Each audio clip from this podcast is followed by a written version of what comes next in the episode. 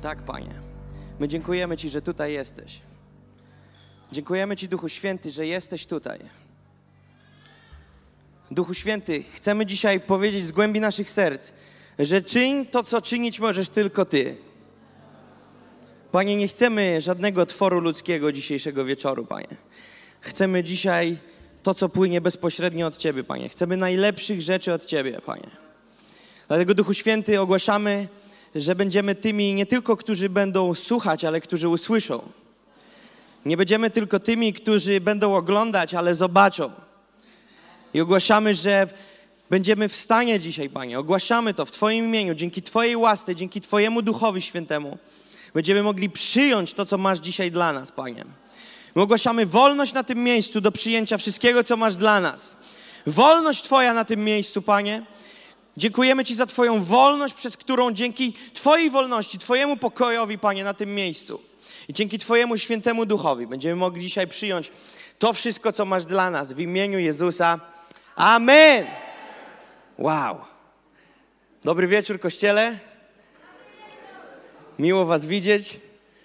Ponownie.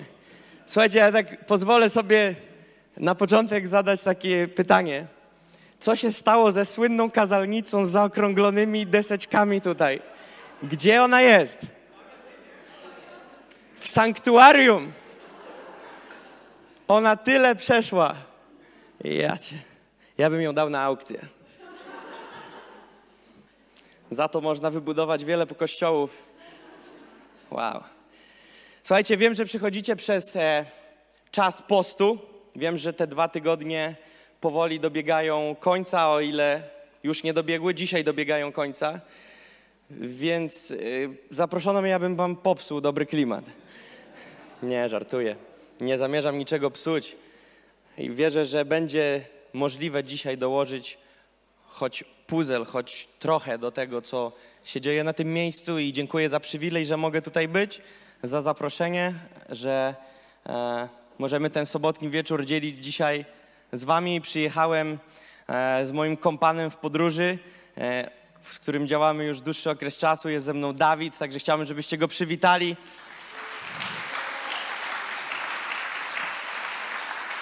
Jest też Andrzej, który z nami przyjechał. Też chciałbym, żebyście Andrzeja przywitali. Słuchajcie, cieszę się, a, że jesteście otwarci. Mogę sobie wyobrażać, co przechodzicie poprzez dwa tygodnie postu, kiedy zobaczyłem pastora Rajniego. To powiedziałem sobie, schudłeś. A mówi, tak, pościmy.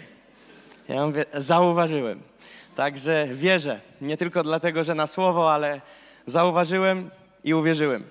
Słuchajcie, wierzę, że w tym czasie postu zbliżyliście się do Boga. Amen? Wiecie, On nie jest daleko, ale czasami mamy problem z tym, żeby nawiązać z Nim połączenie, które jest dostępne. I post jest świetnym czasem do tego, aby zrezygnować z innych rzeczy, nie tylko z jedzenia, ale z innych rzeczy na rzecz Niego samego. I myślę, że w poście, podczas postu, odbywa się wiele rzeczy, wiele procesów, wiele otrzymujemy, nazwę to tak, profitów, kiedy pościmy. Ale myślę, że istotą rzeczy, jeżeli chodzi o post, to jest on sam. Rezygnujemy z innych rzeczy, rezygnujemy z czegoś, robimy przestrzeń nie na modlitwę, bo modlitwa nie jest celowa jako punkt docelowy. Celem jest on sam. Więc wierzę, że wielu z Was przez te dni ostatnie, ale nie tylko podczas postu, ale przez ostatnie miesiące, tygodnie, miesiące, zbliżaliśmy się i zbliżamy się jeszcze więcej i więcej do Niego samego i poznajemy Go, bo to jest najlepsze, co może nas spotkać.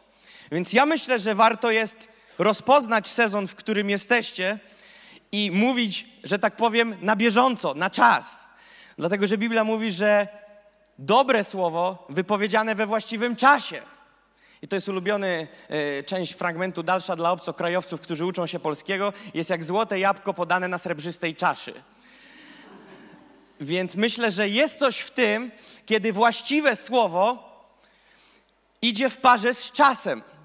Więc moim marzeniem jest, aby dzisiaj Kościół bo przesłanie jest do Kościoła, aby Kościół odebrał słowo na ten czas. Nie spóźnione o dwa tygodnie. Wiecie, gdybym dzisiaj zaczął mówić, wiecie, warto jest wejść dwa tygodnie postu, powiedzieć się powiedzieć, Jakub, miło, że przyjechałeś, ale się spóźniłeś.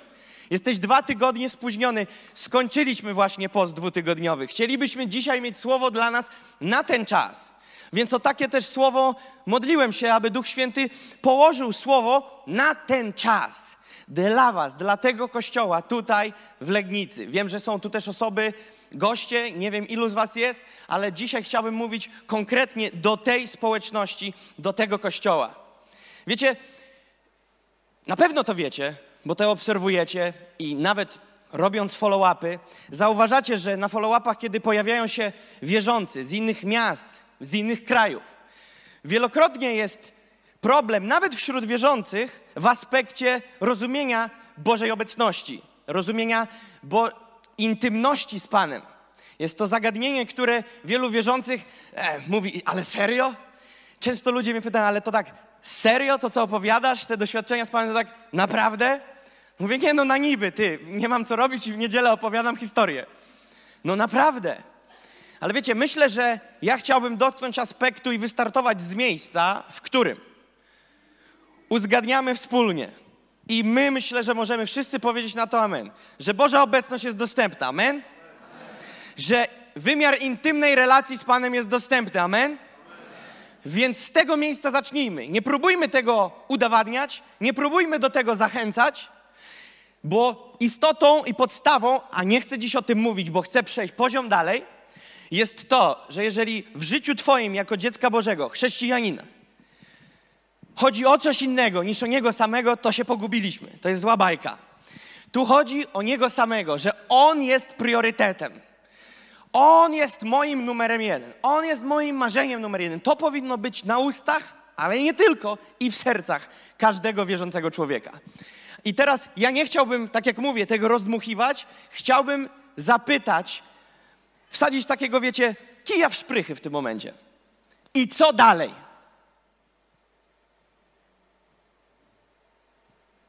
Co dalej? Celowo zatrzymuję na kilka sekund głos, po to, żebyśmy mogli poradzić sobie, sobie z tym klinem w szprychy. Co dalej? Zbudujmy pytanie, co dalej na podstawie faktu, wierzę, że nie hipotetycznie, że Kościół doświadcza Bożej obecności. Że Kościół odbiera wymiar manifestacji Bożej obecności na spotkaniach. Wyobraźmy sobie, że Kościół leży pod chwałą. Moje pytanie brzmi tak: co dalej? Co, co, my, co my zrobimy dalej?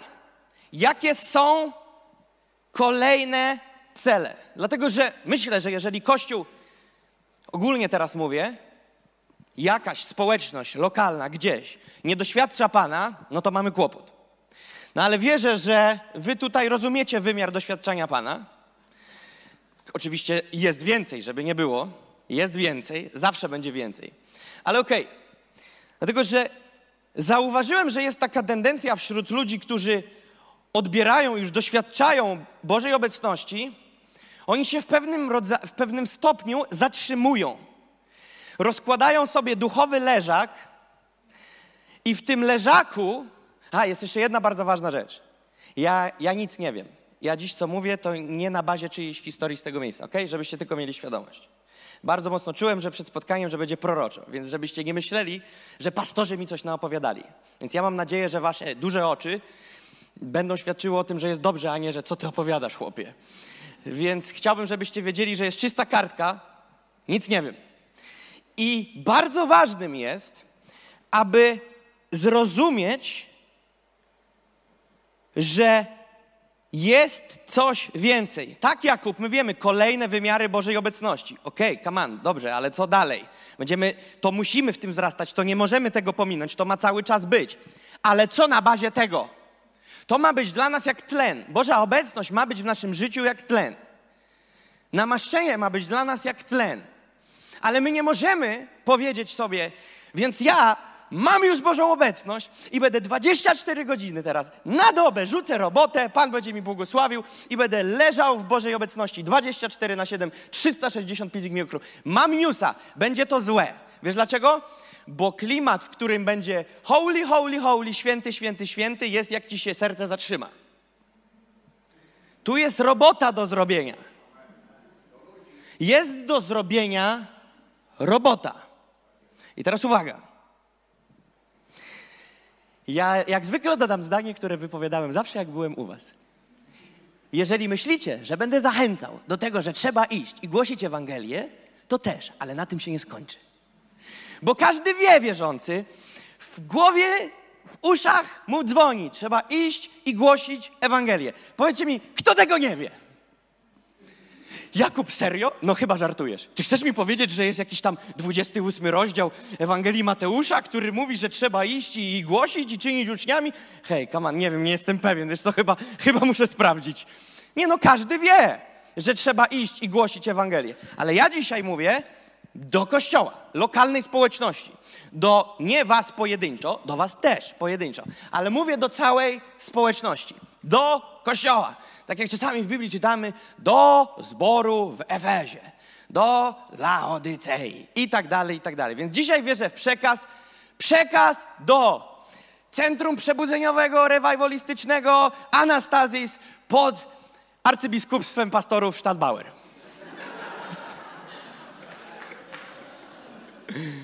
Okej, okay, możemy iść dalej? Kochani, jaka jest wizja? Czy my mamy wizję? Ja będę chciał impulsować nas pytaniami. Czy my mamy wizję? Czy my wiemy, dokąd zmierzamy? Czy my wiemy, gdzie chcemy być za pięć lat?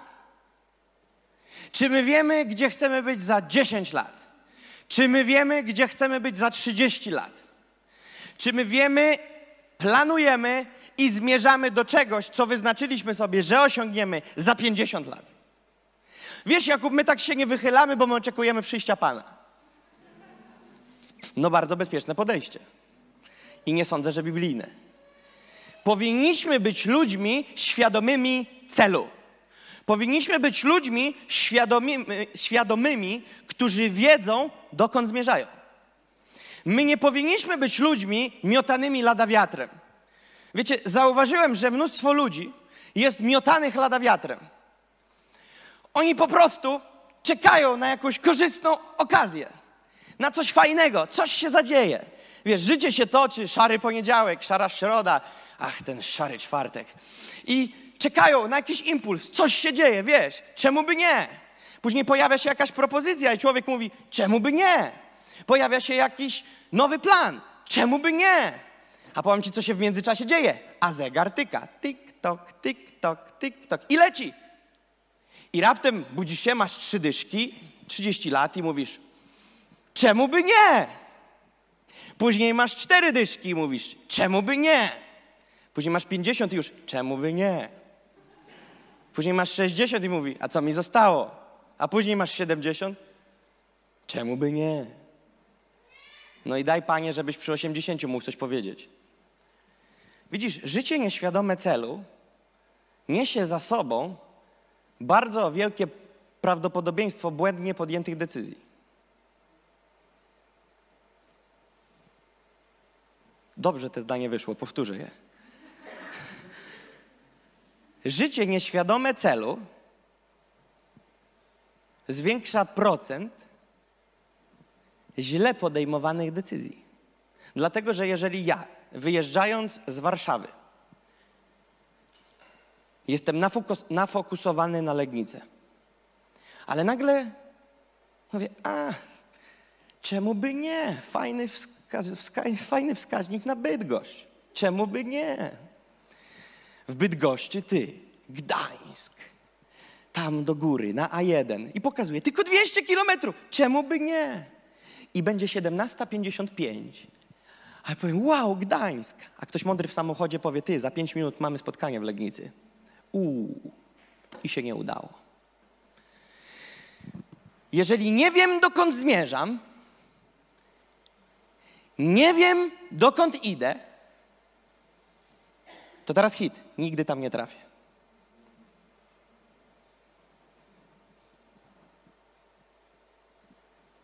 Bo dokąd zmierzam? Wiesz, Jaku, czekam na port przeznaczenia w moim życiu. Ta, da, da, da, pytanie za 100 punktów. A co jest tym portem i gdzie on jest? Mm, no jak to co? Nie, no właśnie powiedz mi co. Ty, no nie wiem. Ja mówię, to jak ty chcesz dopłynąć? Ty nawet tam wpłyniesz, to nie będziesz wiedział, że to to. I nawet w porcie swojego przeznaczenia powiesz, czemu by nie? I będziesz skakać z kwiatka na kwiatek. A słuchaj, co mówię teraz. Właściwe miejsce, właściwa ścieżka, właściwe otoczenie jest kluczowe. Kluczowe do osiągnięcia celu. Kluczowe. Właściwe miejsce, właściwa gleba. Ziarno jest w stanie wydać właściwy plon na właściwej glebie. A my czasami jako ziarno pod, pozwalamy sobie być miotanymi. A to się sam tam rzucę, a to trochę tam pokiełkuję, a to trochę tam, a to trochę tu, a to się raz podleje tą wodą, a raz z tej konewki, a raz z tamtej. I czujemy się jak powyrywani z korzeniami. Czujemy się, ani mnie tu nie ma, ani mnie tam nie ma, ani w ogóle nie wiem o co chodzi, już nic mnie nie cieszy. Wiesz, no, jakiś taki jestem zakręcony. Nie wiem dlaczego to tak dziwnie wszystko. I masz takie w życiu miejsce, w którym mówisz, no nie wiem już, czy to wszystko ma w ogóle sens. I później grasz na nutę rozgoryczenia. Wiesz dlaczego? Nie masz innej opcji. Musisz być rozgoryczony. Wiesz dlaczego? Bo negatywne decyzje, które podjąłeś, muszą przynieść rozgoryczenie do Twojego życia. Negatywne decyzje nie przynoszą radości i fantazji w Twoim życiu. Negatywne, ne, źle podjęte decyzje bardzo mocno negatywnie będą wpływać na Ciebie. Będą zaburzać Twoją nadzieję. Będą wpływać na Twoją wiarę i jej poziom. Bo gdzie czego się nie dotkniesz, to będziesz mówił, aj, to nie to. Trochę to nie biblijnie zabrzmi, ale mówię to, jak to ludzie mówią, już w nic nie wierzę. Już nie jestem chyba w stanie zaufać. Dlaczego? No oczywiście, że nie. Jesteś człowiekiem. Twój mózg liczy. Wchodzisz 10 razy na 10 błędnie, to przy 11 nie masz wielkich oczekiwań. A jak 25 razy spaliłeś się na palniku, no to nic ci dobrego nie będę prorokował, jak 26 raz wyciągniesz rękę. I ludzie, którzy nie są świadomi, jak bardzo ważnym aspektem w życiu chrześcijanina, bo w ogóle dla życia dla ludzi niewierzących nie ma w ogóle żadnej nadziei, ale mówię dla ludzi wierzących, Boży, narodzonych z Bożego Ducha. Musimy zrozumieć, że my musimy wiedzieć, jaki jest kierunek, cel i po co i gdzie ja idę. Dlatego, że jeżeli nie wyznaczamy kierunku, to bardzo szybko skończy się progres. Kiedy nie wyznaczymy sobie kierunku, do którego zmierzamy, to nie będzie skali odniesienia, nie będzie punktu odniesienia, który możemy się zaczepić i zobaczyć, czy przybliżamy się do wypełnienia się Bożych planów. Oj, ważna rzecz. Boże plany, powołanie Pańskie. Boże powołanie. Jeżeli ty nie wiesz, jakie jest nad tobą powołanie, jeżeli ty nie wiesz, jaki jest Boży plan nad twoim życiem, jeżeli ty nie wiesz, co Bóg dla ciebie zaplanował, to jakim cudem możesz w tym wzrastać, jak nawet nie wiesz, w którą stronę iść? Jeżeli Kościół, dana społeczność lokalna, nie jest świadoma, w którą stronę zmierza, nie chodzi o to, który kurs obrała. Chodzi o to, że jeżeli lokalna społeczność nie jest świadoma, nazwę to, portu przeznaczenia i zakresu wpływu, do którego powołał Bóg ten kościół, to ten kościół będzie się czuł, że czegoś tu brakuje. Bo my w Jezusie mamy pełnię. I się w pełni zgadzam z tym, co powiedziała pastor Estera. Pełnia w Chrystusie. Pełnia. Ale moi drodzy, czy nie macie czasami wrażenia, że ta pełnia to tylko na papierze? Ja mówiłem, że ja zepsuję. Przepraszam. Mieliście dwa tygodnie fajne. Nie, nie, moim marzeniem jest zimpulsować was dzisiaj. A sam z siebie to nie robię, wierzę, że Duch Święty przemawia. Więc jeżeli, jeżeli Kościół jest powołany do jakiegoś zakresu wpływu, załóżmy od 0 do 10 na 9, i dany Kościół tego nie wie, a Bóg przeznaczył zakres wpływu od 1 do 10, od 0 do 10, 9. I wszystkie kościoły w Polsce, załóżmy, operują na poziomie między 2 a 3, kilka się wychyliło, na czwórce jest, wiesz. Tam raz na dekadę ktoś na piątkę wskakuje. A ty chodzisz między 4 a 5. Ten kościół, załóżmy, chodzi na 4 i 5. I powiesz sobie, jesteśmy w czołówce. Uuu, odetchnijmy pełną piersią. Ale zaraz, zaraz. Ale nie możesz czuć się spełniony. I nie będziesz czuł, bo zabrakło do dziewiątki jeszcze trochę. I będziesz myślał, że już dobrze wszystko idzie, że idzie. Nawet inni ludzie do nas przyjeżdżają. Ludzie przyjeżdżają zaczerpnąć. Człowieku, wiesz, co się u nas dzieje? I mówisz, ty, piątka! Piątka na horyzoncie, na mapie. Pięć i dwa! Ty, normalnie przekroczyłem. Jako jedyni w Polsce od 30 lat. Ale nie masz wrażenia, że czegoś nam brakuje? Nie, nie martw się, wszystko gra. Mamy Pana na jedynce, modlimy się, jesteśmy radykalni. Zobacz, pięć i trzy przed nami. I ty powiesz sobie, rzeczywiście, oh, jesteśmy już tak daleko, w tak krótkim czasie. Mam niespodziankę. Do dziewiątki jeszcze połowa. Praktycznie jesteś na półmetku. Niezdrowym jest wyznaczyć sami sobie standardy. Niezdrowym jest wyznaczyć sami sobie cele. Cel konkretny powinien wyznaczyć nam Pan, a my w strategii i mądrości do zarządzania, która płynie od Pana, powinniśmy sobie wyznaczyć kierunek, w jaki sposób będzie, kierunek nie, stacje, przez które będziemy osiągać cel, który Pan wyznaczył nam przed nami. My nie powinniśmy iść na oślep. Przyjdę na modlitwę, posłucham, o, przyjechał kaznodzieja z Indii, czuję namaszczenie, lecę do Indii, a nie koronawirus. Ale za tydzień przyjedzie ktoś inny, opowie o inicjatywy OBDS, od biznesu do służby. Ty, rzeczywiście, mam poczkarnię, może będę w OBDS-ie. Jedziesz na OBDS i nagle przychodzi powiadomienie na Facebooku z Ministerstwa Sprawiedliwości do spraw zagranicznych. Uwaga, hit, jesteście gotowi? Koronawirus znika, jedziemy do Indii i ty dzwonisz na OBDS i mówisz, przepraszam, nie jadę, jednak mam lotnisko po drodze, lecę do Indii. Ty zalatujesz do Indii i to nie to, nie trafiłeś. Aj! No ale dobra, nabyłem doświadczenia. Wracasz? To jak z tym OBDS-em? Ty, odwołali już. Załóżmy. Nie ma już OBDS-u. I co mi zostało? Kurczę, niech przyjedzie jakiś wizjoner, poopowiada coś, wiesz, nakręci. To jest tragiczne życie. To jest tragedia. Jesteś nieświadomy celu i kierunku. Jesteś jak latawiec, który zgubił sternika. Poleciałeś. Wiatr zawieje z lewej, to ty lecisz, z prawej, to ty w drugą. Przestało wiać, spadłeś. I ludzie tak, widzieliście jak wygląda ich życie często chrześcijan? No tak. Na wykresie to normalnie jak u pijanego tętno. Raz bije 200, raz 70. Nie wiesz, co tam się dzieje, czy on umiera, czy, czy, czy, czy, czy zasnął. Wszystko się tam dzieje. Dlaczego? Bo nie ma świadomości wizji. Nie ma kierunku wyznaczonego.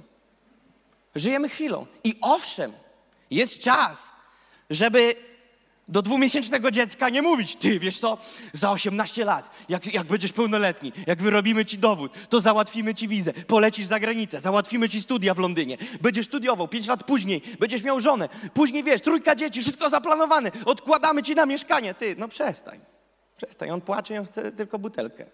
Nie jest czas na mówienie o takich rzeczach. Ale przychodzi czas, kiedy dziecko wzrasta, kiedy skończyło brać mleczko, kiedy nauczyło się już jak nie trzeba krzyczeć mama kupa i może sam załatwić temat, może już sam wejść do tej toalety, sam z niej wyjść, sam się wytrzeć, sam się przebrać, sam wrócić ze szkoły, skończyć szkołę i raptem dzień dobry, czas jest na rozmawianie na inne tematy. 18, 18-letniemu dziecku się nie tłumaczy, nie dotykaj palnika. Jest poziom wyżej, idziemy dalej. I wierzę, że kościoły, dana społeczność lokalna przechodzi różne etapy i sezony. Jest sezon, w którym trzeba zacząć od zera, pokutujemy. Zaczynamy, nie budujemy na tych warstwach, które są nałożone w nas przez świat lub przez inne miejsca.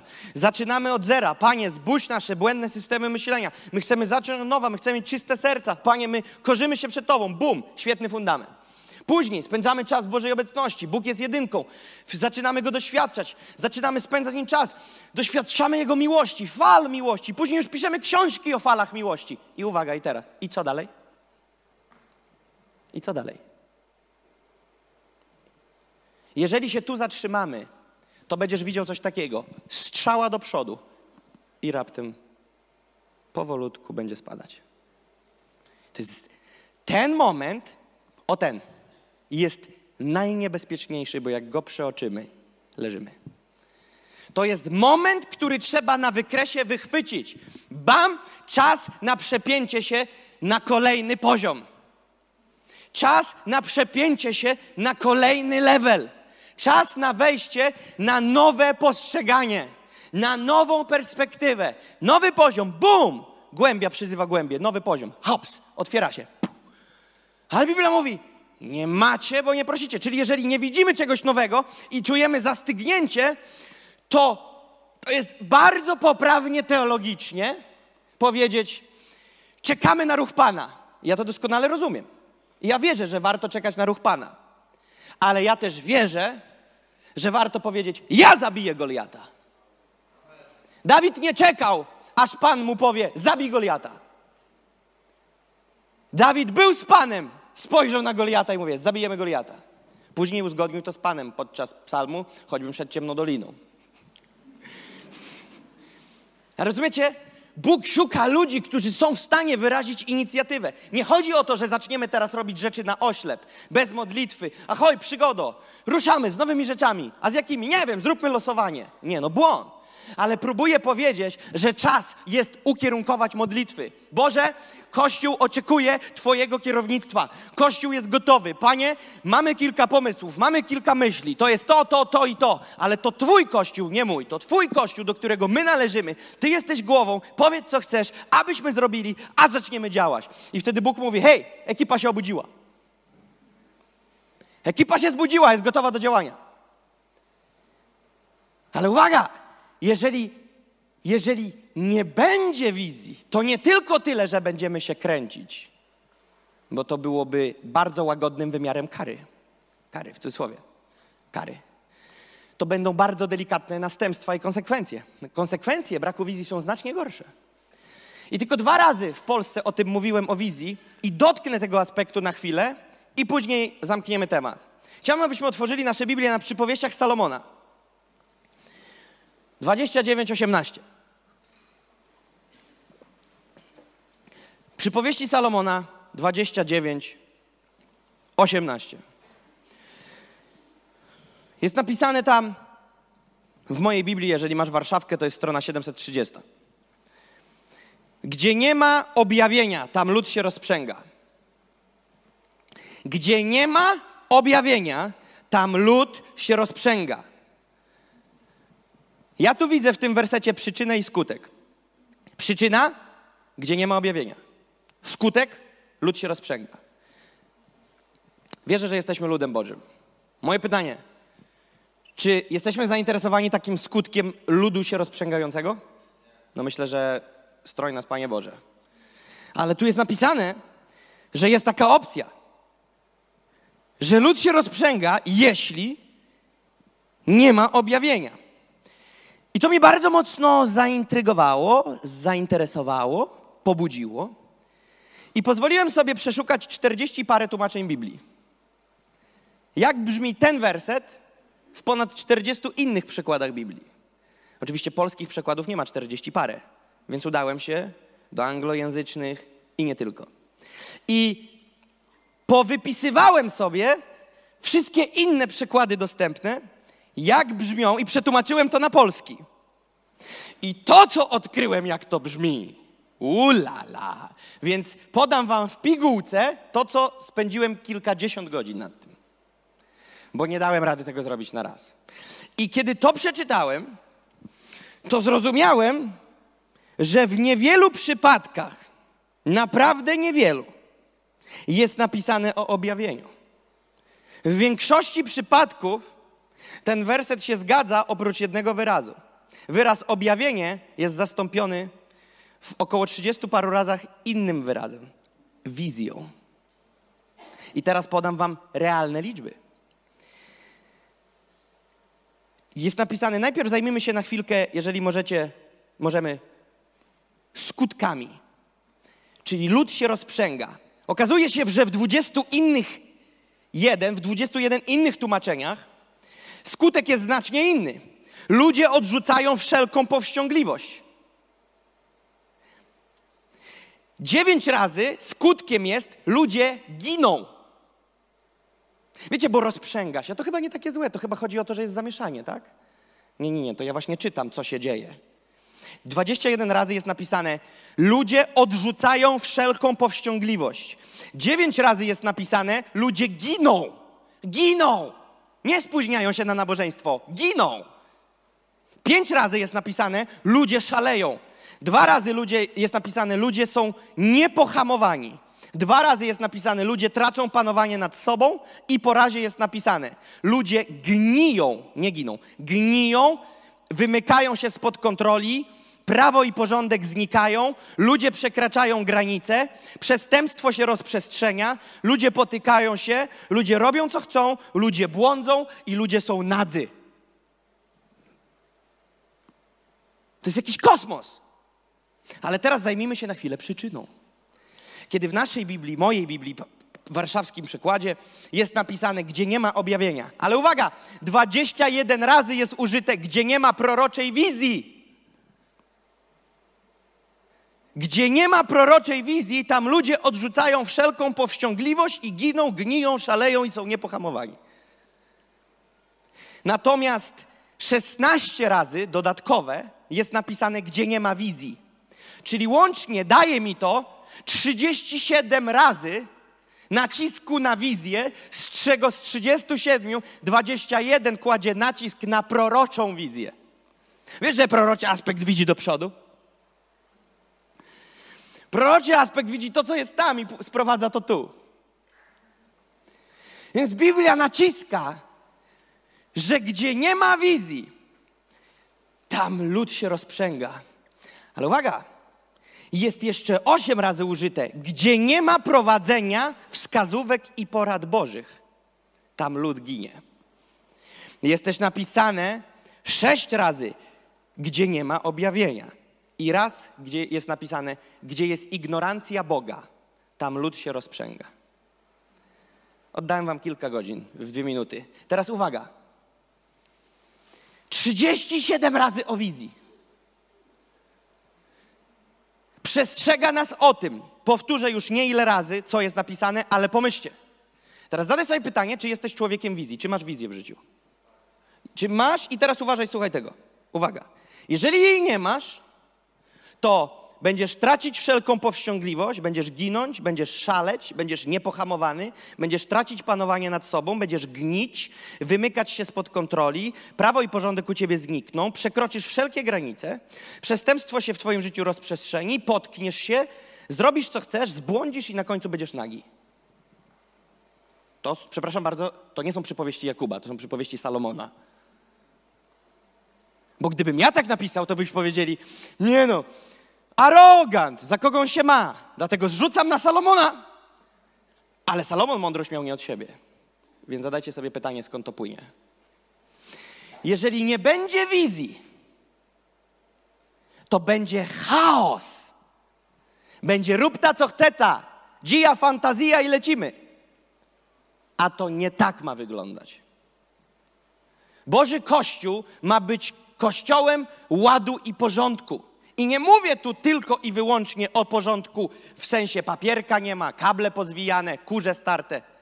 Mówię o zasadach funkcjonowania. Nie chaos, nie zamęt, nie halleluja, Pan z nami, idziemy. Tak, Pan z nami, ale Pan z nami to Pan strategii, też nie wiem, czy wiemy. Pan z nami jest też Panem strategii. On jasno, on nie powiedział do Noego, buduj arkę, do zobaczenia w czasie potopu. On powiedział, buduj arkę i dał mu jasny instruktaż. Ikea do dziś nie umie takiego instruktażu zrobić, co Pan podał dla Noego.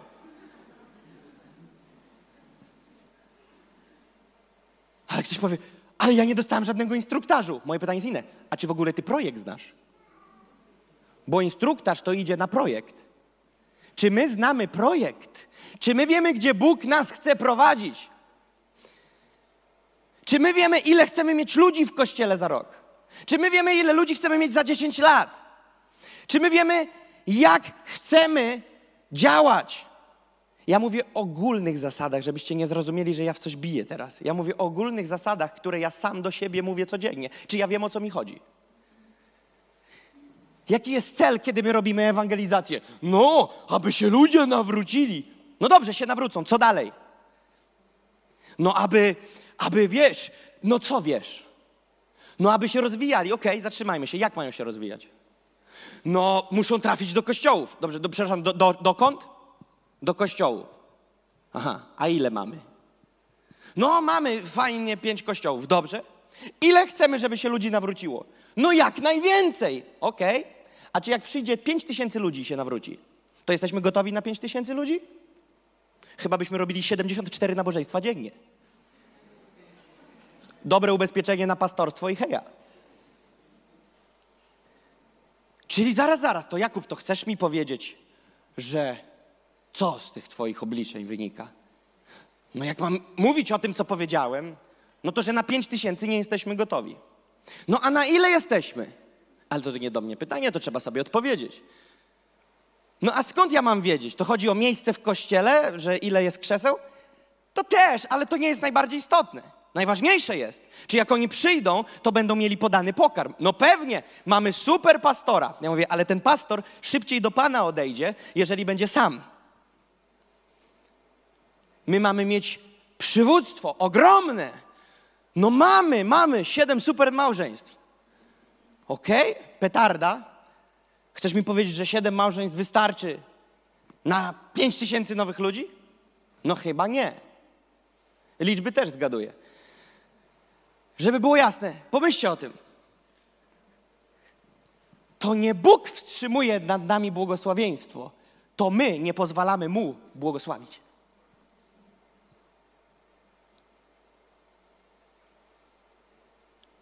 Mówimy, Panie, przebudzenie do regionu. No to się obudźcie. Bądź gotowy na żniwo.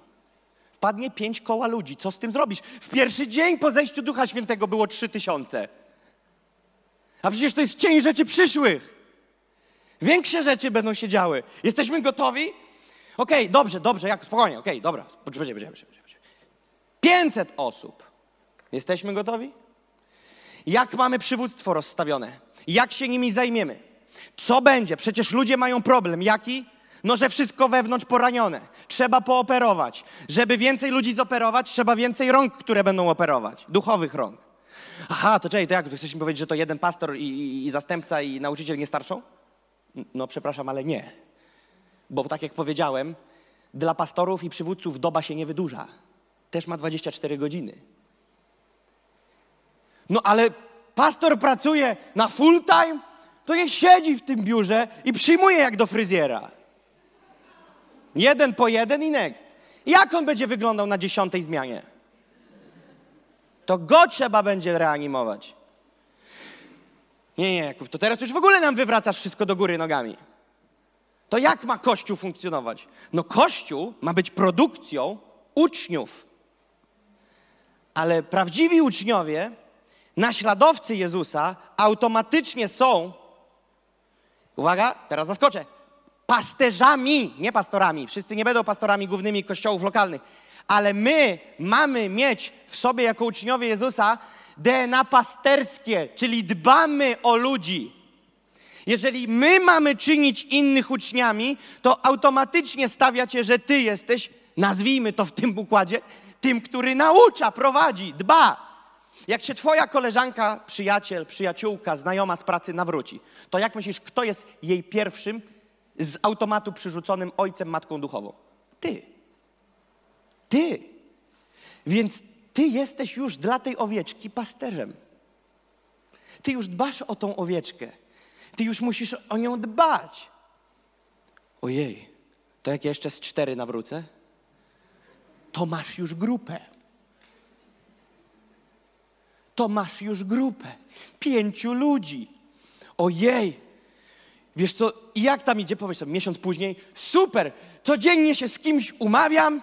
A ja mówię, jak twój czas? A, wiesz, ja nie spontana nie ładuję. Ja idę na bieżąco z tym, co słyszę. I pomyśl sobie, Pięć osób, dzień w dzień, spotykasz się, wiesz, pracujesz, werwa w tobie jest, Boży ogień w tobie jest, po pracy 18, 19, do koleżanki, jednej z pięciu, opowiadasz, ona wylewa swoje tam rzeczy, ty ją tam w Duchu Świętym leczysz, reanimujesz, ona wzrasta, ale w międzyczasie masz trzy razy wibrujący telefon. Myślisz, a, przeczytam, po, po spotkaniu 22, mąż myśli, czy ty w ogóle żyjesz, ty wracasz do domu, patrzysz SMS od czterech innych koleżanek, które pytają o wolny termin w tygodniu. I teraz jak będziesz miał 10 koleżanek, 15 koleżanek, to już sobie nie poradzisz musisz mieć więcej ludzi w kościele, gdzie będziecie zarządzać mądrze. Hej, nawróciła się siódemka, słuchaj, pomóż mi, bo ja mam już 10 osób.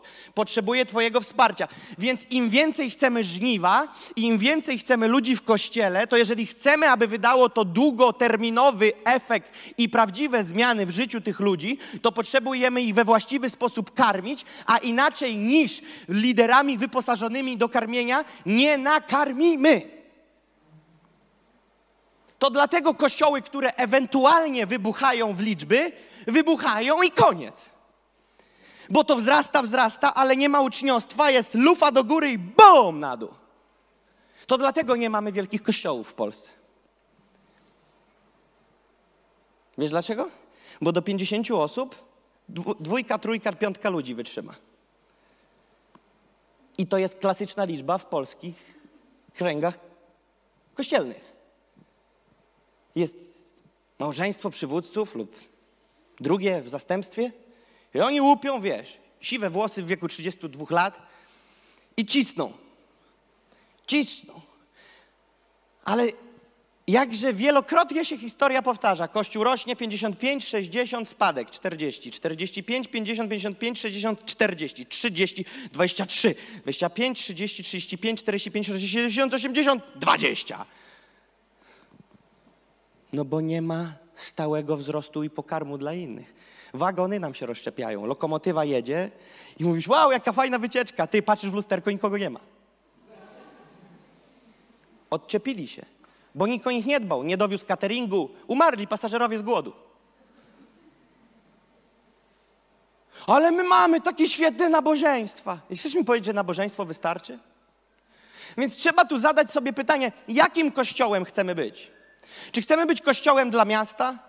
Nie mówię tu o nowej nazwie. Czy chcemy być kościołem wiodącym w mieście? To nie znaczy lepszym od innych, ale jakie my mamy cele w sobie, które Bóg w nas wsadził. To jest ważne. Czy my jesteśmy przeznaczeni do bycia kościołem w mieście? Czy jesteśmy kościołem przeznaczonym? Pamiętacie, ja mówię o wymiarze wpływu, który dany jest z góry. To nie chodzi o to, co ty sobie tam wymyślisz. Bo ty możesz sobie wymyślić, że ty będziesz kościołem dla Europy. I takie będzie przełożenie, jak nie ma w tym Boga. Ale jeżeli Bóg cię powołuje do jakiegoś zakresu wpływu, to trzeba sobie odpowiedzieć jakiego. Jestem kościołem dla miasta? Jestem kościołem dla regionu? Jestem kościołem dla województwa? Jestem kościołem dla zachodu Polski? Jestem kościołem wiodącym apostolskim w kraju? Jestem kościołem, który liczy się w Europie? Jestem kościołem, który jak robi zjazd przywódców, to przyjeżdża 500 przywódców, pastorów z całej Europy? Jakim rodzaju kościołem jestem dziś? Gdzie jest mój zakres wpływu dziś? I do jakiego zakresu wpływu powołał nas Bóg? I czy zmierzamy do tego wpływu? Bo to nie jest tak, że Bóg mówi, dobra, to ja cię powołuję na zakres wpływu na całą Europę i ty wiesz, jutro się obudzisz i masz. Nie, jest pewna droga do przejścia, którą trzeba rozumieć. Jeżeli nie zrozumiesz, jaki jest zakres wpływu, jeżeli jest szeroki, to w ogóle poddasz się na pierwszym teście, bo powiesz sobie, że trzeba gromić. A to Bóg wrzuca cię do studni w drodze do domu Potyfara.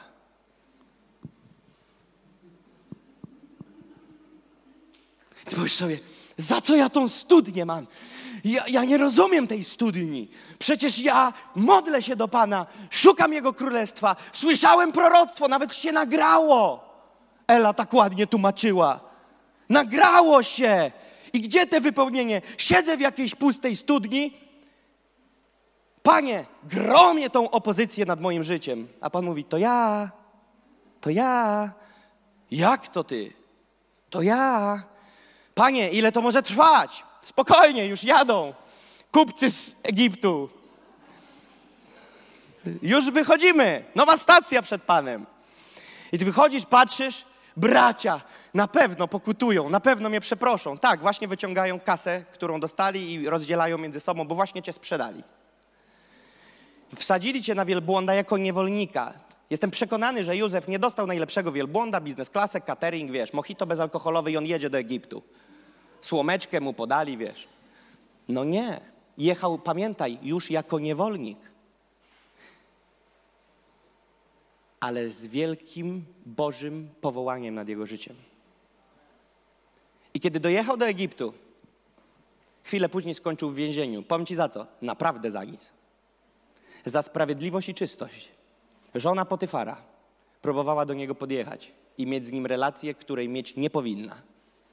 A on ze względu na bojaźń Bożą odrzucił. Co go za to spotkało? Więzienie.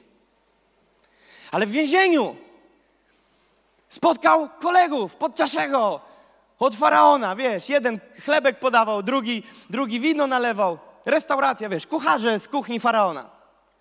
I oni mają sen. A Józef ma smykałę do snów i wykłada im te sny. I mówi, ty, ciebie zetną za trzy dni, a ty u faraona za trzy dni wrócisz. Jak wrócisz, za trzy dni, nie za trzy lata, uwaga, za trzy dni jak wrócisz, to, to wspomnij mu, że ja tu siedzę za nic. I teraz uważaj, dwóch wychodzi, jednego tną. Na pewno ten jeden, który przeżył, wiedział, że ścieli tego. I ten zapomniał. Jest powiedziane, że zapomniał przekazać faraonowi. Czy ty wierzysz, że on zapomniał? Ty nie pamiętam, co się działo przez ostatnie trzy dni. Co ja w ogóle robiłem wczoraj? Gdzie ja byłem? Ty pomyśl, on siedział w więzieniu, wyłożyli mu sen, koleżka, z którym siedział, ścieli, on wrócił do roboty, chłop, który mu wyłożył sen, poprosił o jedną rzecz, wspominam, i on mówi, on zapomniał. Ja ci powiem, co się stało. Bóg mu wyciął pamięć. Nie ma innej opcji. Bóg nie dopuścił do tego, żeby on, żeby on nie zapomniał. Bo Józefa trzeba było jeszcze przyszlifować. I nagle, prosto z celi, drugi po faraonie. Nagle. Pam. Lat 16 od snu i obietnicy do wypełnienia. W innych obliczeniach 22 lata, a jeszcze w innych 30. Ja mówię o minimum, który można wyliczyć. 16 lat od momentu snu, który otrzymał, do wypełnienia się obietnic. Ale gdyby nie był świadomy i gdyby zabił Boże powołanie w sobie, gdyby je wykastrował, to by się poddał i w tej studni siedział. Albo Max by wyszedł i by wrócił i robił, co robił. I by faraona, jak nie widział, tak nie zobaczył.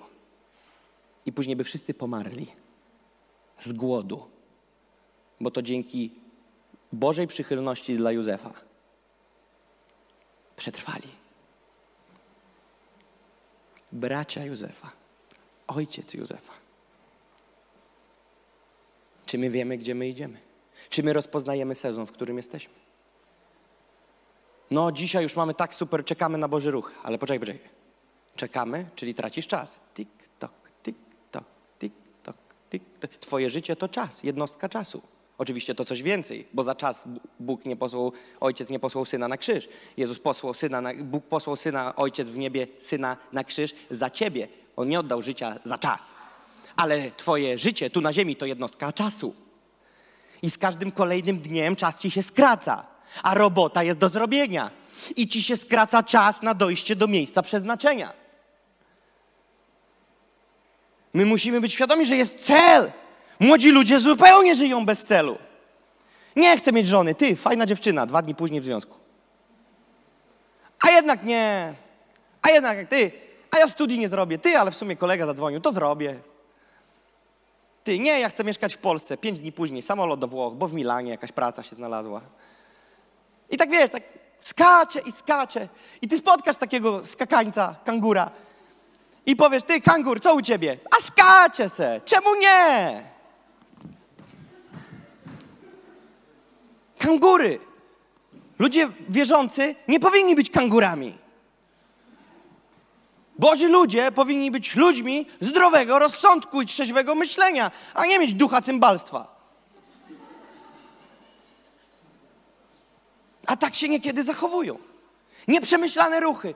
Zobaczcie, niektórzy wierzący, zmęczeni. Czym? Nie życiem. Wiesz czym? Uwaga. Nieprzemyślanymi ruchami. On macha, on się stara. Gorliwość, o jacie. Na skali nie ma wyniku, żeby opisać jego wymiar gorliwości. Macha, biega, się stara, krzyczy, się modli, pomaga, głosi, krzyczy, gra, wynajmuje, traci pieniądze. Nie ma efektów. Znacie takich wierzących? Ty robi wszystko dla Pana, ale nie ma owoców. Powiem Ci dlaczego. Nieprzemyślane ruchy. Dobry bokser jak stoi, to jak ma amatora, to amator kiwa. A ten tylko czeka. Jedna lufa i nie ma. I ty patrzysz, niektórzy macha, macha, macha i mówi, ja macham 10 razy więcej od tamtego, a tamten ma 10 razy więcej owoców. Bo ten jak raz machnie, to pozamiata, a ty machasz 10 razy z zamkniętymi oczami. A to skąd ja mam wiedzieć, jak uderzyć? No właśnie, idź do komory, tyle tam siedzisz, zrobiłeś sobie już gniazdko, rozłożyłeś leżak, doprzyjmujesz tej miłości, ale to teraz zapytaj Pana, Panie, troszeczkę pomóż mi wstać, bo się już zapuściłem i powiedz mi, co mam zrobić. Halo, aniołowie, wstał! Wstał! Śpiączka trwała 7 lat. Obudził się. I ty nagle, o, ty już 2021. Ale numer. Ale to szybko minęło. Przepraszam, ja mam pytanie. Co się zmieniło? Przypomnij sobie, co u ciebie w życiu było 5 lat temu i co jest dzisiaj. Oprócz kredytu. I jej wysokości, jego wysokości. Co się zmieniło u ciebie w życiu? Czy jesteś zadowolony z efektów jako dziecka Bożego? Czy jesteś zadowolony z wymiaru owoców w swoim życiu? Czy jesteś zadowolony z wymiaru ludzi, którzy zostali dotknięci tym, w jaki sposób służysz Panu? Czy ludzie wokoło ciebie się ponawracali? Czy tak jak nikt nie wiedział, że jesteś wierzącym, tak nikt nie wie? Czy jesteś zadowolony z progresu, który wierzyłeś, że osiągniesz? Ty no nie wiem, wieś tak leci życie. No to bardzo smutno masz. To się nie dogadamy. To się bardzo nie dogadamy. Życie świadome celu. Mówisz Boże? Okej. Praktyka teraz. Boże? Okej. Nawróciłem się. Oddałem wszystko. Zostawiłem. Spokutowałem. Odciąłem się. Jest. Strefa zero. Zaczynam. Moje życie od tej pory, i tu wszyscy chętnie to na konferencjach powtarzają, moje życie należy do Ciebie i tylko do Ciebie. Jesteś moją jedyną miłością i wszystko, co mam i czym jestem i kim jestem i będę, należy do Ciebie.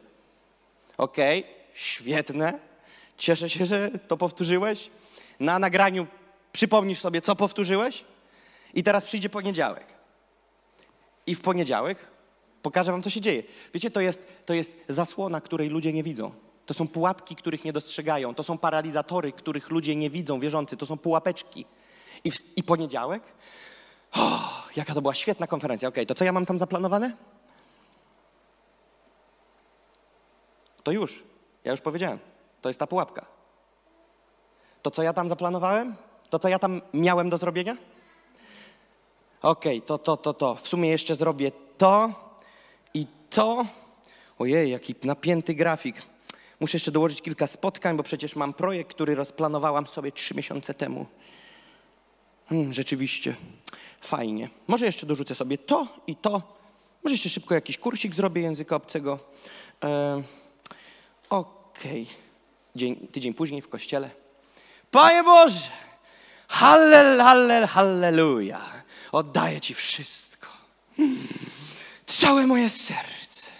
A powinien Ci przyjść anioł, dać w łeb i powiedzieć, chociaż trochę oddaj. Bo gadasz już takie głupoty. Oddajesz wszystko. Co Ty oddałeś w przyszłym, zeszłym tygodniu? Co? Powiedz mi, dwie, gdzie tam dwie? Jedno. Co oddałeś? No wszystko. Ja wiem, że ciężko byłoby wymienić, ale powiedz mi jedno. No jak to co? No się nie dław, powiedz. No wszystko. Ty, ale u ciebie życie tak jak wyglądało przed oddaniem wszystkiego, tak samo wygląda po oddaniu wszystkiego. To ja chyba nie widzę tej jednostki przetargowej. Masz niewidzialne jednostki, które zniknęły, a ja o nich nie wiem, że zniknęły. Kiedy oddajesz wszystko, uwierz mi, jest tornado w twoim życiu. Muszą przyjść zmiany. Czy to bolesne, czy to te, które cię przytną, czy to te, ale coś się dzieje. Chcę, wiecie, wyobraźcie sobie, że, nie wiem, Ela, Ela wyszła na chwilę po zakupy, Radek mówi, wiesz, kochanie, tam, proszę cię, wiesz co, no, no normalnie jajeczniczkę bym zjadł, wiesz, ale nie mamy, nie mamy, no dobrze, kochanie, ja skoczę. Ela wraca, nie po pięciu minutach jak zwykle, a po pięćdziesięciu pięciu i patrzy Radek, a Ela na bluzce taką małą czarną plamę ma. I Radek mówi, Eluś, kochanie, coś się stało? Nie, nie, wiesz, się pobrudziłam. A co się stało? Tir mnie przejechał.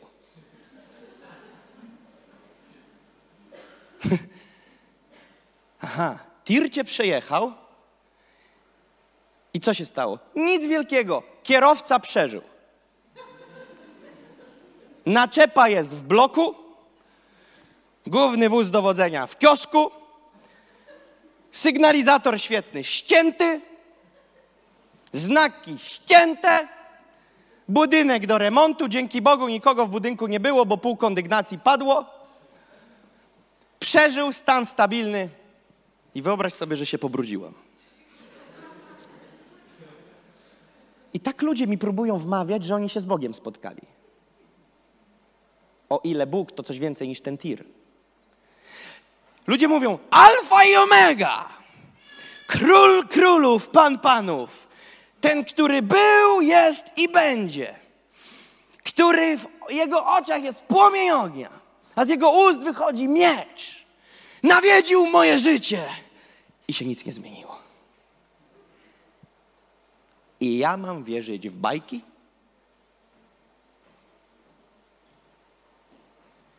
Alfa i omega wywiera wpływ. Alfa i omega wywiera wpływ. Tam jest gruby krater pod spód. Jak Bóg wjeżdża, to jest zadyma. Jeżeli nie ma afery, zamieszania, ja nie mówię, że musimy szukać zamieszania. Ja mówię, że jeżeli się nic nie dzieje, ja nie mówię o odlotach z Panem, o kolejnym objawieniu, bo to by były obiecanki, że jak pójdziesz do Pana, wszystko będzie dobrze. Nie, nie, ale musi się coś dziać. Muszą być jakieś zmiany. Kiedy przyszło powołanie do życia Pawła, no się działo. Kiedy przyszło powołanie na chłopaków na łódce, to zostawili ojca i nawet nie byli świadomi, że zostawili. Bo jak kumaty syn z bratem zostawia ojca mu... i poszli, jest napisane. Powołał ich, a oni zeszli z łódki i poszli. Zostawili ojca. No wyobraź sobie.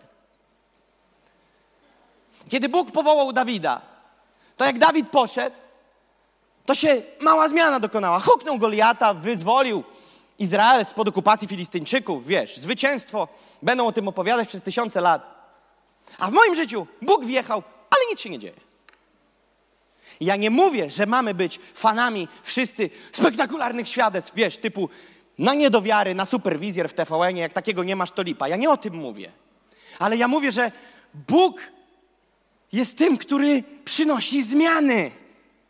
Musi się coś zacząć dziać. I jeżeli się nie dzieje, to dlatego, że twoje pudełko, w którym miałeś zamiar go zmieścić, jest za małe. Jest za malutkie. I mówisz, ale ja mu oddałem tyle. No prawie nic.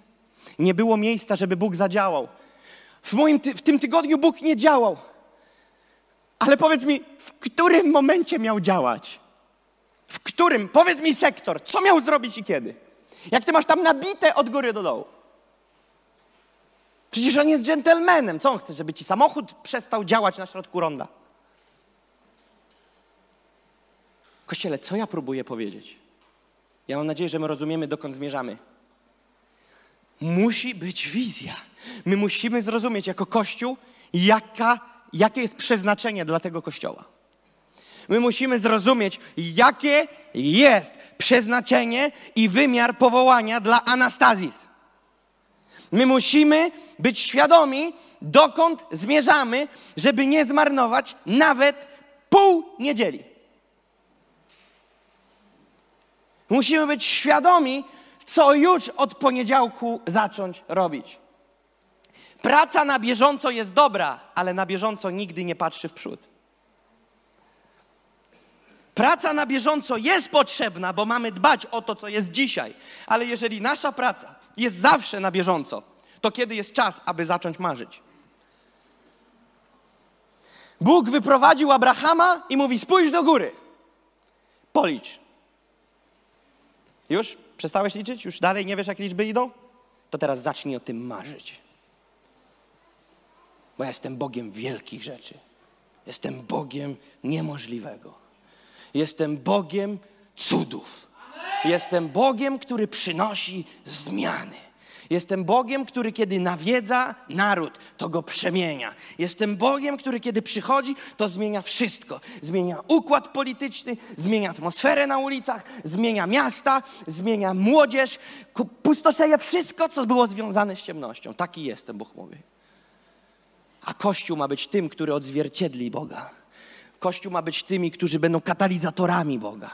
Kościół ma być tym, który patrzy globalnie. My nie możemy patrzeć wąsko. W szczególności Kościół wierzę. Teraz trochę podpowiem od siebie. Wierzę, że macie marzenia większe niż bycie lokalną 16-osobową społecznością. W to wierzę. I wiem, to mogę powiedzieć, że nie tylko wierzę, wiem. Ale teraz uwaga. Jak bardzo szeroko? To jest pytanie. Jak bardzo szeroko? Biblia mówi o poszerzeniu palikach namiotu. Bo Biblia mówi o palikach namiotu. Te paliki, rozumiecie paliki? Wiecie, namiot Kłeusza z Decathlonu, kojarzycie? Sznurek i bijesz w ziemię. To są paliki.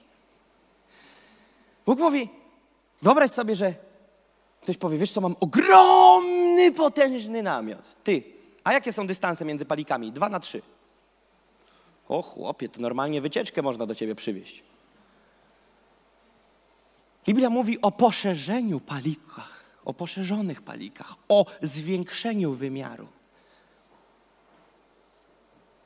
Kiedy Biblia mówi o talentach, jeden miał pięć, drugi dwa, trzeci trzy, pomnożyli, zrobił dychę, zrobił cztery, jeden nic nie zrobił. Ale w innym miejscu o obracaniu jest, wiecie, co jest napisane? I weź panowanie nad pięcioma miastami. Wpływ na miasta. Tu się apostolsko robi wtedy. Wpływ na miasta. Wpływ na miasta. Zaczynasz patrzeć nie z perspektywy my lokalnie, ale jak pompować z lokalnego na zewnątrz nie tylko i, wyłą- u, nie tylko i wyłącznie dotykając żniwa, ale dotykając żniwa, a jednocześnie wpływać na przemianę mentalu w ludzi wierzących w okolicy, w tym wymiarze, w którym rozstawione są Twoje paliki. I to już jest inny level. I wtedy zaczynasz być strategiem. Powiem Ci, co się zaczyna dziać, kiedy zaczynasz być strategiem. Uwaga, zaczynasz przemyślanie dobierać ludzi, którym poświęcasz czas. Nie dajesz się już rozerwać wszędzie, bo wiesz, że twój czas jest cenny. Wtedy zaczynasz się skupiać jak ten bokser. Wszyscy machają rękami, a ty czekasz i ktoś powie, no machaj. Nie, ja się skupiam i czekam na ten jeden właściwy ruch, jeden właściwy ruch, jedno właściwe miejsce, jedna właściwa wycieczka, jedno właściwe słowo. Wszystko się zmienia. I wtedy od- wchodzisz i gdzie idziesz? Uwaga, to co powinno charakteryzować bardzo mocno strategów i generałów. I wracasz na górę, z której widzisz perspektywę w górę w duchu. A jak? Wzbić się w górę jak orły. Modlitwa, spędzanie czasu z Panem, wizja. I idziesz znowu i patrzysz z wysokości. To znaczy, że wszystko, co na dole, musisz się od tego odciąć. To znaczy, że musisz być człowiekiem modlitwy. Musisz być człowiekiem wizji, ale ta wizja pochodzi od Pana. I wtedy ty spędzasz z nim czas. I Bóg mówi: Uważaj teraz. Nadchodzi to i to i to. Mam zamiar zmienić ten region i ten, dlatego że te dwa regiony w przeciągu najbliższych 12 miesięcy mają we właściwy sposób wpłynąć na resztę województwa. I ty mówisz, okej, panie, świetnie. Oni jeszcze o tym nie wiedzą, bo byłem u nich dwa miesiące temu. Nie mają pojęcia, co się szykuje, co możemy zrobić, żeby im pomóc. Skoro mi o tym mówisz, to znaczy, że jest ku jakoś ku temu celu. Poślij ludzi ze swojego kościoła. Których? Tego i tego. Hej, muszę was wysłać. Musicie tam pojechać z konkretnym przekazem. Bóg mi powiedział, jest do zrobienia robota. I wtedy zaczynasz patrzeć inaczej na mapę. I wtedy mówisz, strategicznie jesteśmy zainteresowani 40 milionami Polaków. I wtedy już inaczej zaczynasz działać. I twój jeden strzał miażdży. Biblia mówi, chcę być młotem, który miażdży narody. Młot, który miażdży narody. Pomyśl sobie, że jesteś młotem do miażdżenia narodów. Gdzie wchodzisz, miażdżysz naród. W Bożym namaszczeniu.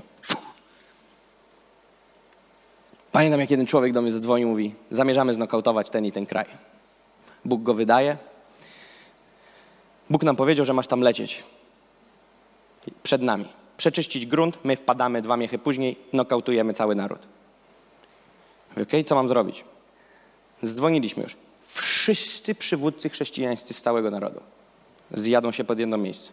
Będą mieli notatniki i długopisy. Jedź. Przyjeżdżam, wszyscy.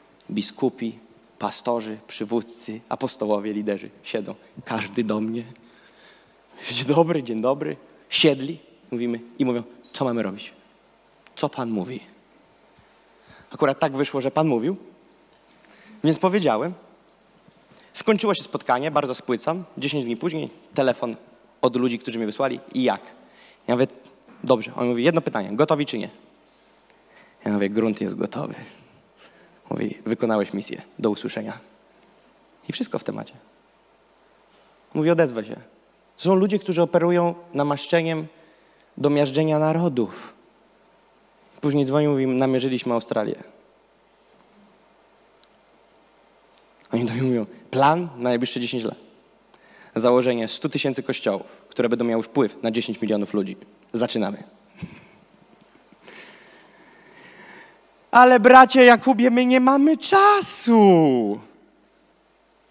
O czym ty mówisz? Czy ty wiesz, z czym my się zmagamy? Właśnie. Dlaczego ty się z tym zmagasz? Bo masz tak wąski punkt widzenia, że musisz siedzieć i bebłać się w tym małym bagienku, który sam sobie natopiłeś. Kiedy samochód jedzie 200 na... Przepraszam, nikt tak nie jeździ. Kiedy samochód jeździ 100 na godzinę, to nie widzisz każdego pojedynczego kamienia na drodze. Ale kiedy jedziesz na rolkach 3 na godzinę, to widzisz wszystko. Widzisz motylka, który leży, dżdżownicę przejechaną z flakami na wierzchu. Wszystko widzisz, ale kiedy jedziesz samochodem, ty nie wiesz, że w ogóle tam coś było. I, aha, Jakub, to ci o to chodzi, żeby nie dbać o małych. Nie. Nie, nie, nie.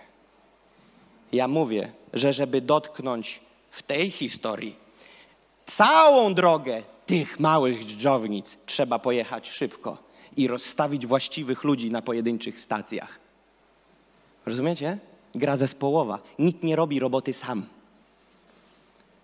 Trzeba zrobić to razem. Trzeba się skumać z ludźmi, którzy kumają podobnie. I siąść do stołu i powiedzieć: To co? Robimy przełom w historii tego kraju, czy będziemy dalej się mazać? Robimy zadymę? Czy jak umrzemy, to jedyne co będzie, to pożegnają nas z uśmiechem na twarzy, że jesteśmy w niebie? Czy jednak będą dumni? Czy nasze dzieci będą dumne, że zamieszaliśmy w atmosferze? Wiecie dlaczego? Bo jest czas na Polskę. Niespodzianka, jest czas na Polskę. Ostatnie lata, dekady w Polsce to było przygotowywanie gleby. I dziś jest czas, kiedy ludzie wyjdą i będą działać, ale nie wszyscy wychodzą, żeby działać, bo nie wszyscy myślą z tej perspektywy. Niektórzy nie widzą przesunięcia w duchu, które nastąpiło, że są rzeczy otwarte. Dlaczego? Bo mają wąską perspektywę. Kiedyś pojechałem na drugi koniec Polski, chyba nawet w Legnicy. Dzwonią do mnie z Gołdapi. I jak? Ja mówię, pięknie, 12 stopni, świeci słońce. Co? U nas minus 3 i pada. No bo Gołdap to nie cała Polska. I wszyscy w Gołdapi mogą powiedzieć, w całej Polsce pewnie zimno. Nie, to tam w Gołdapi jest zimno. I ludzie tak myślą, którzy myślą bardzo wąsko. U nas lipa, to i pewnie tam lipa. A powiem wam tak, dużo się dzieje w naszym kraju. Oj, ten 2020, co on nam przyniósł?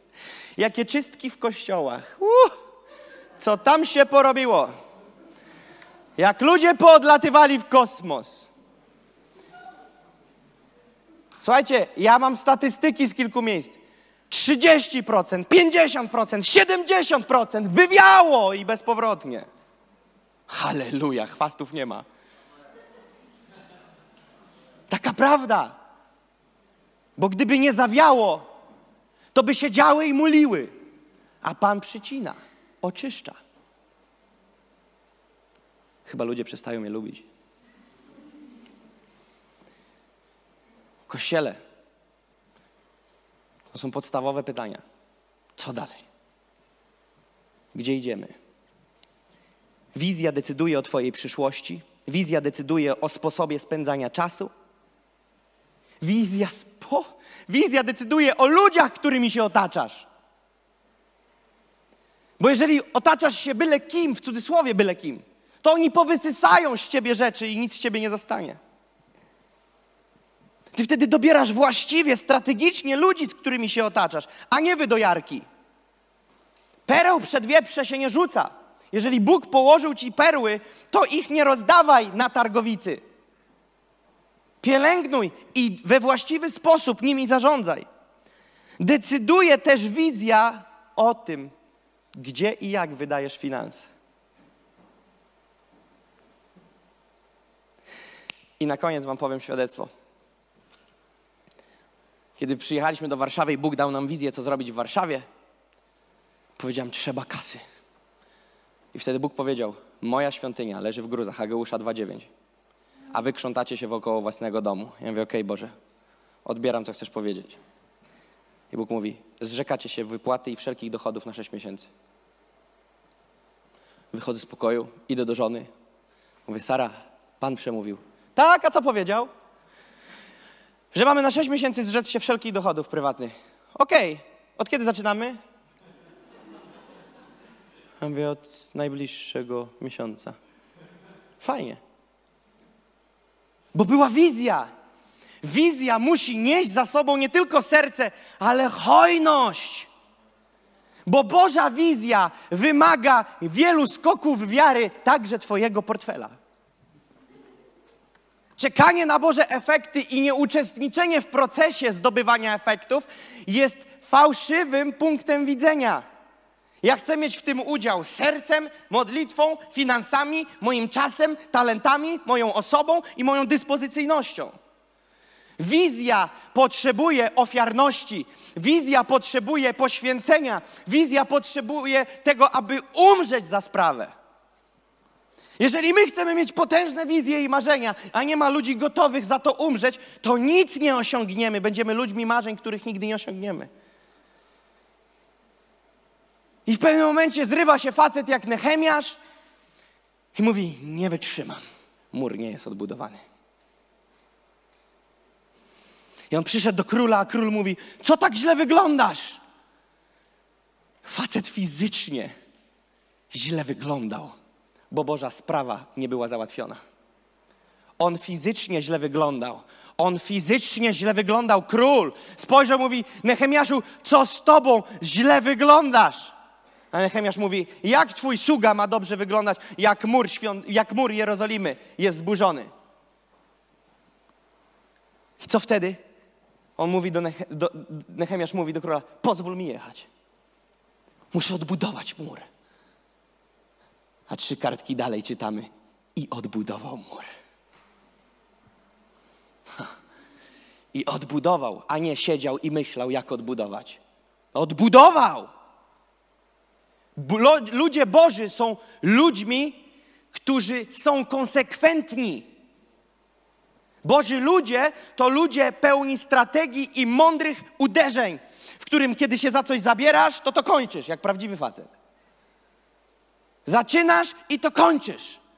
A nie trochę tu, trochę tam, tam firmę zrobię, tam biznes otworzę, tam się pomodlę, tam dołączę do grupy wstawienniczej, tam na konferencji będę machał, tam będę grał i się rozjedziesz i nigdy nic, nigdy dobrze nie zrobisz. Mój znajomy, który prowadzi firmę budowlaną, mówi, jak do mnie przychodzi młody człowiek i ja go pytam, co umiesz robić, a on mówi wszystko, to ja mówię, to idź do domu. On mówi, młody człowiek przychodzi na budowę lat 20 i on mówi, umiem wszystko. Mówi, ja nie szukam umiejących wszystko, ja szukam człowieka, który umie coś. Mówi, ja mam wierzyć, że on umie wszystko. To on wszystko po trochu um- umie, a nic nie umie dobrze. Co dzisiaj umiesz dla zrobić dla Pana? To, co każdy inny. Powiedzieć, Panie, użyj mnie. Użyj mnie. Bo widzę, że części z Was rodzi się niechęć. Ale ja nie mam zbyt wielkich predyspozycji, ja nie jestem mówcą, ja nie mam mikrofonu, ja nie mam służby, ja nie mam Facebooka, ja nie wiem w ogóle, co ja mam robić, w kościele mnie nie zauważają.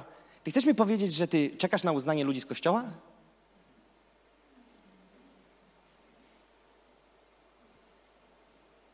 Mnie nie zauważył lider.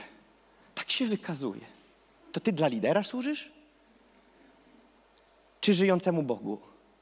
A Bóg nie śpi. Bóg patrzy. Oczy Pana przepatrują ziemię. I szukają serc sprawiedliwych, które by mógł wesprzeć. I Dawid był takim człowiekiem. Siedział w polu, a Bóg mówi: Mam cię. To nic, że Eliab cię nie ma. To nic, że ojciec się ciebie wstydzi i nie zaprosił cię nawet na wieczór z Samuelem. Ale ja cię widzę. I zobacz, jaka heca. Nie zaczną jedzenia, dopóki nie przyjdziesz. I pobiegli po Dawida. A Dawid przyszedł do domu, a Samuela, wszyscy na baczność, a Samuel mówi, tego wybrał Pan. Nie szukaj uznania w oczach ludzi, bo stamtąd słaba tożsamość. Bo ludzi łatwo zawieść, łatwo podekscytować. Bądź człowiekiem stabilnym, bądź człowiekiem pełnym konsekwencji, bądź człowiekiem modlitwy i jak to, co będziesz w modlitwie odbierał, a musisz mieć oczekiwanie, mówić, Panie, poszerz moje paliki, powiedz mi, co możemy zrobić, jak zmienić to miasto, jak zmienić ten kraj, jak wpłynąć na ten kontynek, co mogę zrobić, daję się do dyspozycji i wszystko, co mam i kim jestem, oddaję Tobie w imieniu Jezusa. Amen.